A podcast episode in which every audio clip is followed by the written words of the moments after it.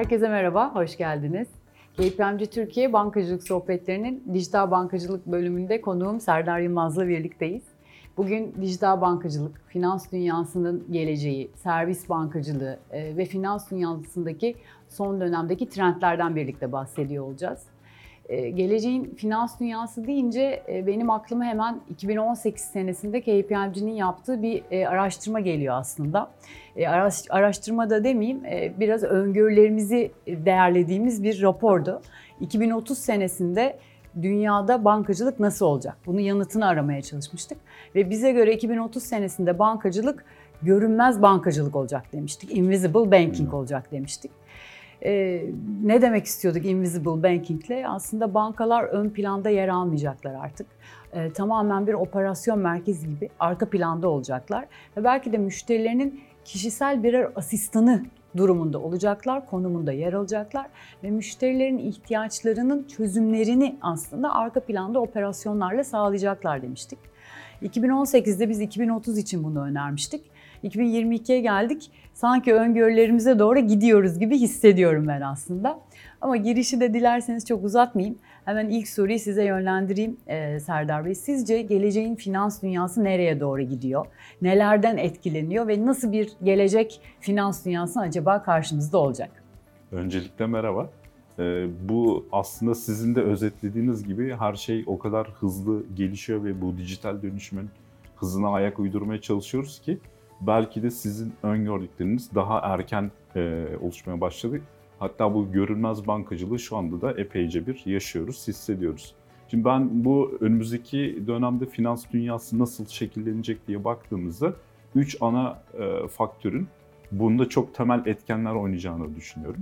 Buradaki ilk etken teknoloji tabii ki. Bu bütün dijital dönüşümü e, yönlendiren, hızlandıran ve değiştiren tamamen bu teknoloji dalgaları ki bu aslında belki de endüstri devrimleriyle de açıklanabilir. Yani endüstri 1.0 dediğimiz işte ilk su buhar gücünün e, keşfedilmesi, evet. bunların kullanılması. Daha sonra endüstri 2.0'da biraz daha seri üretimin e, hayatımıza girmesi. Endüstri 3.0'da otomasyon, bilgisayar e, kavramlarının hayatımıza girmesi. Ama esas şu anda yaşadığımız bu e, devrimsel nitelikteki dijital dönüşümü e, tetikleyen Endüstri 4.0 kavramları. İşte bunun içinde ileri analitik, yapay zeka, IoT, e, bulut bilişim, işte AR, VR dediğimiz teknolojiler hı hı. E, gibi bir sürü teknoloji hayatımızın her yerine yani sadece finansta değil bu. Bütün e, hayatımızın her yerine dokunmuş durumda. Blockchain burada çok önemli e, bir teknoloji olarak e, görünüyor. Ki hani buradan hafif bir finansa doğru hani bakmaya başladığımızda da özellikle blockchain hani bu kripto dünyasının geldiği nokta ve blockchain üzerinde oluşan dünyalar bu merkeziyetsiz finans dediğimiz DeFi denilen e, alanlar tamamen finansı önümüzdeki dönemde değiştirecek. Hatta bu şekillendirme başlamış görünüyor buralarda. Hatta şey e, ilginç bir rakam e, DeFi denilen networklerde şu anda 100 milyar doların üzerinde total value locked diyorlar e, buna. Yani orada bir hacim şu anda gerçekten çok büyük bir hacmin döndüğünü görüyoruz. Burası bankalara, finans dünyasına hem bir tehdit hem de bir işte e, fırsat. fırsat olarak da görünüyor. Başta zaten bunu hani tehdit olması, tehdit olarak görülmesi çok normal. Çünkü banka dediğiniz zaman hani güven ve para gibi iki büyük kavramdan bahsediyoruz. Blockchain'e döndüğünüz zaman güveni e, tek merkeziyetten tamamen dağıtık evet. bir network'e e, dağıtıyor. Daha güvenilir bir sistem olduğunu e, iddia ediyor. Diğer taraftan da parayı kripto varlık olarak Aynen. replace ediyor. Yani böyle baktığımız zaman aslında gerçekten burada inanılmaz bir değişim dönüşüm var. Bu anlamda hani birinci faktör teknoloji dediğimiz hı hı. E, faktörü bir kenara koyarsak ikinci olarak e, en önemli faktör bence bu iş gücündeki değişen e, demografi yani bu jenerasyonlar.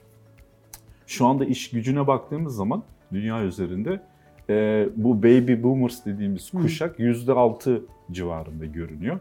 Daha sonra X kuşağına baktığımız zaman yüzde otuz beş. Y kuşağı da benzer yüzde otuz dört otuz beş civarında. Ee, Z kuşağı da %24 civarında iş gücü dağılımı kuşaklara böyle dağılmış görünüyor. Şimdi baby boomerlar aslında teknolojiye çok uzak bir nesil. X jenerasyonu istisnalar olsa da yine de şey e, onlar da limitli diyelim yani teknolojiye.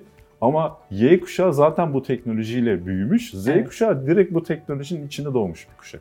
Şimdi böyle baktığınız zaman bunların toplamı da 35-24 işte %59-60 Evet. iş gücünün büyük bir kısmını bu dijitale yatkın bir kuşaktan bahsediyoruz. 10 yıl sonra bu %75'lere geleceği öngörülüyor ve tamamen aslında ki bu, bu yeni kuşağın bakış açısıyla buradaki finansal e, ürün ve hizmetler değişecek. Hı hı. Bunların yanında üçüncü faktör de e, müşteri beklentileri. Evet. Yani gerçekten aslında hepsi birbiriyle çok ilişkili tabii. Belki jenerasyonun da buradaki etkisi çok fazla. Ama buradaki müşteri beklentisi artık bir dijital müşteri gibi bir kavram ortaya çıkıyor. Ee, E-ticaret sitesinde alışveriş yaptığınızı düşünün. En ufak bir sorun yaşadığınızda hemen alternatif diğer bir e-ticaret sitesine geçip işte ihtiyacınızı karşılamaya devam ediyorsunuz. Buradaki bu tüketici davranışındaki değişiklik de aslında hem jenerasyon hem teknoloji bunların tamamının bu beklenti üzerinde yarattığı etki. Hı hı. Bu da şu daha sabırsız, daha sürtünmesiz bir deneyim, kullanıcı Kesinlikle. deneyimi isteniyor ve e, belki bir açıdan da sadakat yok eskisi gibi. Yani gerçekten e, buradan da yapsam olur, buradan da yapsam Evet. olur. Ve tamamen artık eskisi gibi böyle fiyatlamalar en ön planda tercih sebebi değil. Burada onlar biraz daha arka plana düşüyor. Kullanıcı deneyimi kısmı e, en ön plana çıkıyor. Şimdi bunlara böyle hani büyük çerçevede baktığınız zaman bu üç ana faktör bizim önümüzdeki dönemin finansal teknolojilerini e, şey yapacak görünüyor, değiştirecek ve şekillendirecek görünüyor ve şu anda da büyük ölçüde bu başlamış durumda. Evet, evet çok teşekkürler. Evet e, kesinlikle hani bana da sorsanız ben de aynı üçlüyü herhalde söylerdim. Teknoloji, değişen beklentiler e, ve de e, aslında müşteri deneyimini de yaratan bir nevi o değişen e, jenerasyon yapıları ve onunla Evet. bağlantılı olarak da değişen deneyim istekleri diye. E, Şimdi bir, bir gene e, konuşmanızın yanıtın içerisinde fırsatlar, tehditler e, de dediniz. Hemen benim aklıma e, biraz dijital bankacılık tarafa Evet. da e, kaydı. E, Son dönemde özellikle e, Türkiye'de tabii çok e, son 6 aydır belki de en çok konuştuğumuz konuların başında e, geliyor. Dijital bankacılık, servis Evet. bankacılığı. Yani bir bir bankacı gözüyle de sizce bir tehdit mi, bir fırsat mı? Hani hem bunu duymak isterim. E, Çünkü BDDK'nın geçen sene sonu çıkarttığı mevzuatla artık Türkiye'de bir dijital banka lisansı ya da bir servis bankacılığı lisansı almanın önü açıldı. Hatta geçtiğimiz haftalarda ilk İlk dijital başlangıç. banka Hı hı. kuruluş lisans onayı e, verildi. Dolayısıyla hani yakın vadede önümüzde en azından bir tane bankamız olacak gibi gözüküyor. E, Siz değerlendirdiğinizde nasıl görüyorsunuz? E, Sizler için bir fırsat mı yoksa bir tehdit mi? E, Ve de Türkiye'de gerçekten bu alanda bir hareket görecek miyiz acaba? Yani aslında sorunun son kısmından başlayayım. Bir hareket görmeye de başladık. Bu çok önemli. Ve özellikle bu tip e, düzenlemelerin, regülasyonların ülkemizde bu kadar hızlı bir şekilde devreye girmesi de gurur verici bir taraftan. Ya bunlar e, özellikle e, hani bu e, işte teknoloji dünyasından biri olarak son birkaç yılda beni de çok motive eden faktörler. Çünkü her ne kadar bazı konuları teknolojik geliştirmeleri, çözümleri uçtan uca yıllardır yapıyor olsak da bir regülasyon ya da yönetmelik bunu tanımladığında bir vücut buluyor ve herkes anlıyor. Gerçekten bu kısmı çok kritik ve bu yıllar önce aslında bu ödeme kuruluşları e, elektronik para BDDK'nın, lisanslarıyla başlamıştı. Daha sonra yönetmelikler devam etti. Böyle uzaktan müşteri edinimi, işte mesafeli sözleşmeler. Ee, Daha sonra açık bankacılık kavramı tanımlandı, bulut bilişim tanımlandı. Ee, En dediğiniz gibi de en yakın dönemde dijital bankacılık ve servis bankacılığı kısmı tanımlandı. Bunlar çok heyecan verici, hepimiz çok heyecanlandık. Evet. Ama burada bir ama var. Çünkü ben bu kısmı ikiye böleyim. Şimdi yani dijital bankacılık ve servis bankacılığı olarak. Dijital bankacılık kısmında eee, bu işin zor bir iş olduğunu bence insanlar bu işe bir heveslenip de girmeye çalıştıklarında anlayacaklar. Yatırım Çünkü- yapmaya Evet, başlayınca evet. Çünkü evet. bankacılık gerçekten e, zor bir iş. Bunu yapabilmek için çok e, yükümlülükleriniz çok fazla. Çok fazla. O anlamda yönetmeliğe baktığınız zaman aslında dijital bankalar için buralarda çok esneme görünmüyor. Kesinlikle. Bu anlamda ben e, dijital bankacılık e, yapmak için, lisans almak için başvuruların olacağını ama bunun çok olmayacağını düşünüyorum, tahmin ediyorum. Yani böyle onlarca dijital banka bence görmeyeceğiz. Çünkü bankacılık dönemde. yükümlülüklerinden bir eksik yok Yok, aslında. evet, evet. Hatta şöyle bir şey var. Bizim yıllardır bildiğimiz aslında bu dijital bankayı neobank kavramı var. Evet. Bunun hep artılarını eksilerini konuşurduk. Yani bir neobank dijital dünyada yaşıyor. Ee, bu sayede operasyonel giderleri düşük. İşte şubesi yok, fiziksel giderleri, maliyetlerini daha iyi yönetebiliyor. Bu avantajıyla çok güzel fiyatlamalar yapıyor, çok güzel ürünler sunabiliyor. Şimdi buna baktığınız zaman ama dezavantajı neydi? Görünmez oldukları için hani fiziksel bir varlıkları güven faktöründen dolayı e, müşterinin ana bankası olmakta zorlanıyorlar. Yani müşteri geçici olarak geliyor, ihtiyacını bu bankada karşılıyor. İşi bitince de dönüyor, terk ediyor, ana bankasına dönüyor. Kesin. Şimdi böyle baktığınız zaman bu dijital bankacılık, dijital banka tarafında bir soru işareti olduğunu görüyorum ben. Yani bu çok güzel bir adım ama bence kurumlar ve şirketler bunu denemekten çok e, dijital banka olmaya yatkın, yakın ve burada e, olgunluk seviyesini arttırmış bankalarla işbirliği yapmak. Evet. Yani o da aslında servis bankacılığı Servis tarafından bankacılığı. servisleri e, almak tarafı e, daha hareketlenecek gibi görünüyor. En başta sizin bahsettiğiniz görünmez bankacılık, belki gömülü bankacılık da deniyor buna. Bunların örneklerini çok daha fazla göreceğiz ki hani FIBA Bank olarak bizim de zaten en büyük stratejimiz ekosistem bankacılığı. Biz de bütün ekosisteme hem online'da hem fiziksel mağazalarda bütün servislerimizi açıp işte müşterinin ihtiyacı olduğu anda, finansmana ihtiyacı olduğunda finansmanı sağlamak işte kredi olarak ya da herhangi bir finansal ürün ve hizmeti ihtiyacı olduğunda ona bu servis üzerinden götürmeye yönelik altyapılar yıllardır çalışıyor. Bu yönetmelikle bunlar iyice şekil buldu Evet. ve artık gerçekten önümüzdeki dönemde ben şeyi çok göreceğiz diye düşünüyorum. Dijital banka tarafında lisans alma e, girişimleri olacaktır ama az olacaktır. Esas Servis, servis bankacılığı. bankacılığında çok büyük işbirlikleri, hani birçok firmayı birçok bankayla birlikte çalışma e, işbirliklerini gözlemleyeceğimiz buna ilişkin uçtan uca sürtünmesiz ve görünmez bir şekilde finansal servisleri e, görüp hissedeceğiz diye düşünüyorum bu Evet tarafta. kesinlikle size katılıyorum. Hakikaten herhalde kartların yeniden dağıtıldığı Evet, bir dönemdeyiz evet, finans evet. sektöründe. Ve bunun örnekleri başladı şeyde değil yani çok da uzak gelecek değil bunlar. Evet yani. evet yani 2030 demiştik biz ama Evet, 2030'a kadar hakikaten bence Evet, bütün e, kesinlikle. olasılıklardan örnekleri Türkiye'de de dünyada zaten ufak ufak görüyorduk ama Türkiye'de de herhalde dünyadan çok farklı olmayarak göreceğiz gibi gözüküyor. E, şimdi hemen gene sizin e, konuşmanızdan böyle referans alarak üçüncü soruma yönlendireceğim. Çünkü işbirlikleri yani servis bankacılığı modeli zaten işbirliklerinin de kapısını açacak dediniz.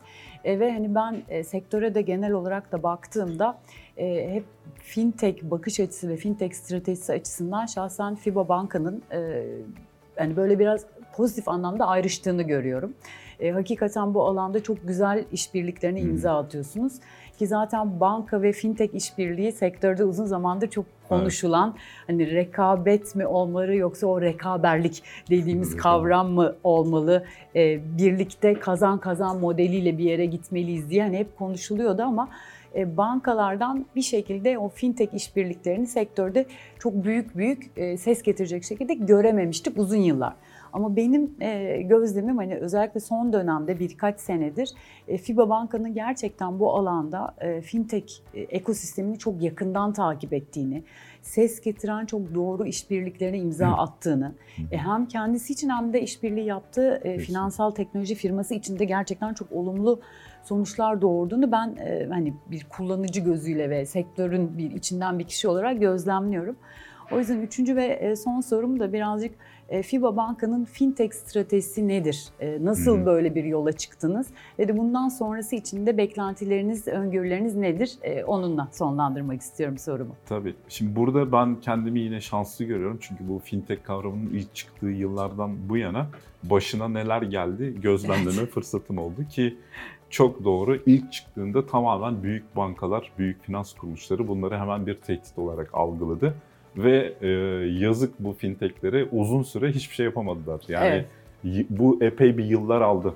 Ama daha sonra özellikle diğer faktörlerin, dijitalleşme faktörlerinin ve yine e, müşteri, tüketici beklentilerinin Deneyimiydi. değişmesiyle şu çok net anlaşıldı. Yani büyük finansal kurumların, kuruluşların yapamayacaklarını fintechler yapabiliyor. Daha hızlı karar alabiliyorlar. Deney yanıl yapabiliyorlar. Yani bunu bankaların yapması çok mümkün değil. Evet.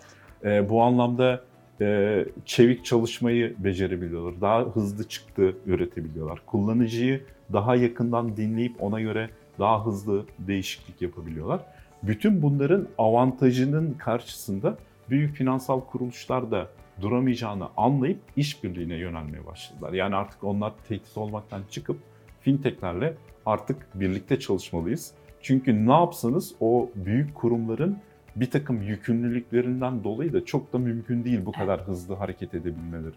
Bunun ortada buluşması, birlikte e, çözümler, müşteriye çözümler götürülmesi noktası tamamen anlaşıldı ve bence son 3-4 yıldır konu herkes bunu anladığı için burada daha bir böyle hızlı hareket Hareket. görüyoruz. Ki ben fintechleri biraz şey gibi, mahallenin delikanlısı gibi görüyorum. Hani finans kuruluşları da büyük bankalarda mahallenin ağır abileri böyle. Evet. Bunlar böyle biraz ortalığı hareketlendirdiler ve gerçekten daha hızlı, daha güzel üretimler çıkmaya başladı. Şimdi FIBA da bunu 2018 yılında çok net bir şekilde görüp stratejisini belirledi. 2018 yılında biz Finberg iştirakini kurduk. Evet. Bu bir e, fon şirketi. Fintechlere yatırım yapıyor. Sadece fintechler değil aslında. Hani diğer startuplara da başka sektörlere de giriyoruz. Yapıyoruz. Ama şöyle güzel bir gelişme var. 2019 20'ye baktığınız zaman böyle 3-4 fintech ya da e, girişime yatırım yapmışız. Ama 2021'de 16-17 tane. Toplamda şu anda 21'in üzerinde e, fintech'e yatırım yapılmış durumda. 34-35 milyon dolarlık yatırım Büyük totalde. Ve buradaki e, şey de hani çok yakından bilinen işte Getir, Kolendi, e, EasyJet, Mobilet gibi de böyle sektörde çok bilinen şeylerde Finberg'in ciddi yatırımları Evet. var. Ve bunların gelişmesine ki bunların ilk safhalarında yapıldığı için bu yatırımlar gelişmesine çok büyük katkıda bulunmuş durumdayız Finberg kanalıyla. Aynen. Ama burada da stratejimiz yine iki başlıkta. Birincisi bu finansmanı sağlayıp yatırım yaparak onların gelişmesini sağlamak, desteklemek. Diğer parçası da onlarla ortak gerçekten bir FIBA banka müşterilerine Banka sunabileceğimiz bir ürün. Yani birlikte bir entegrasyon yapalım. Bizde olmayan, e, fintech'te olan bir ürünü alalım, bankamız sistemine entegre edelim Evet. ve müşterilerimize sunalım örneklerinde çok yaptık, yapıyoruz. Evet. O anlamda bir e, girişimle, fintech'le ilgilenmeye başladığımızda hemen diğer tarafı da başlıyor kafada Çok proses etmeye. Böylece biz de hani daha geniş bir ürün yelpazesinde hem müşterilere hem de fintechlere değer sağlamaya çalışıyoruz. Bu buradaki stratejimiz de böyle Çok- iki bacak. İki şekilde bacak iler- yani tam ilerliyor. olması gerektiği gibi aslında hani Evet. hem o şirkete destek olalım hem de aslında onun Yeni sağladığı ürün. Evet. ürünü kendimiz için de nasıl evet, nasıl konumlandırabiliriz konumlandırırız? şeklinde. Aynen. Tam, e, tam bir e, olması gereken bir fintech Evet. stratejisi. E, Serdar Bey çok teşekkürler. Çok Ben keyifli teşekkür bir e, Çok- sohbet oldu. Ağzınıza sağlık diyelim. E, dinleyicilere de çok teşekkür ediyoruz. Bugün e, bankacılık sohbetlerinin dijital bankacılık bölümünde e, Serdar Bey'i ağırladım. E, hepinize de dinlediğiniz için çok teşekkürler.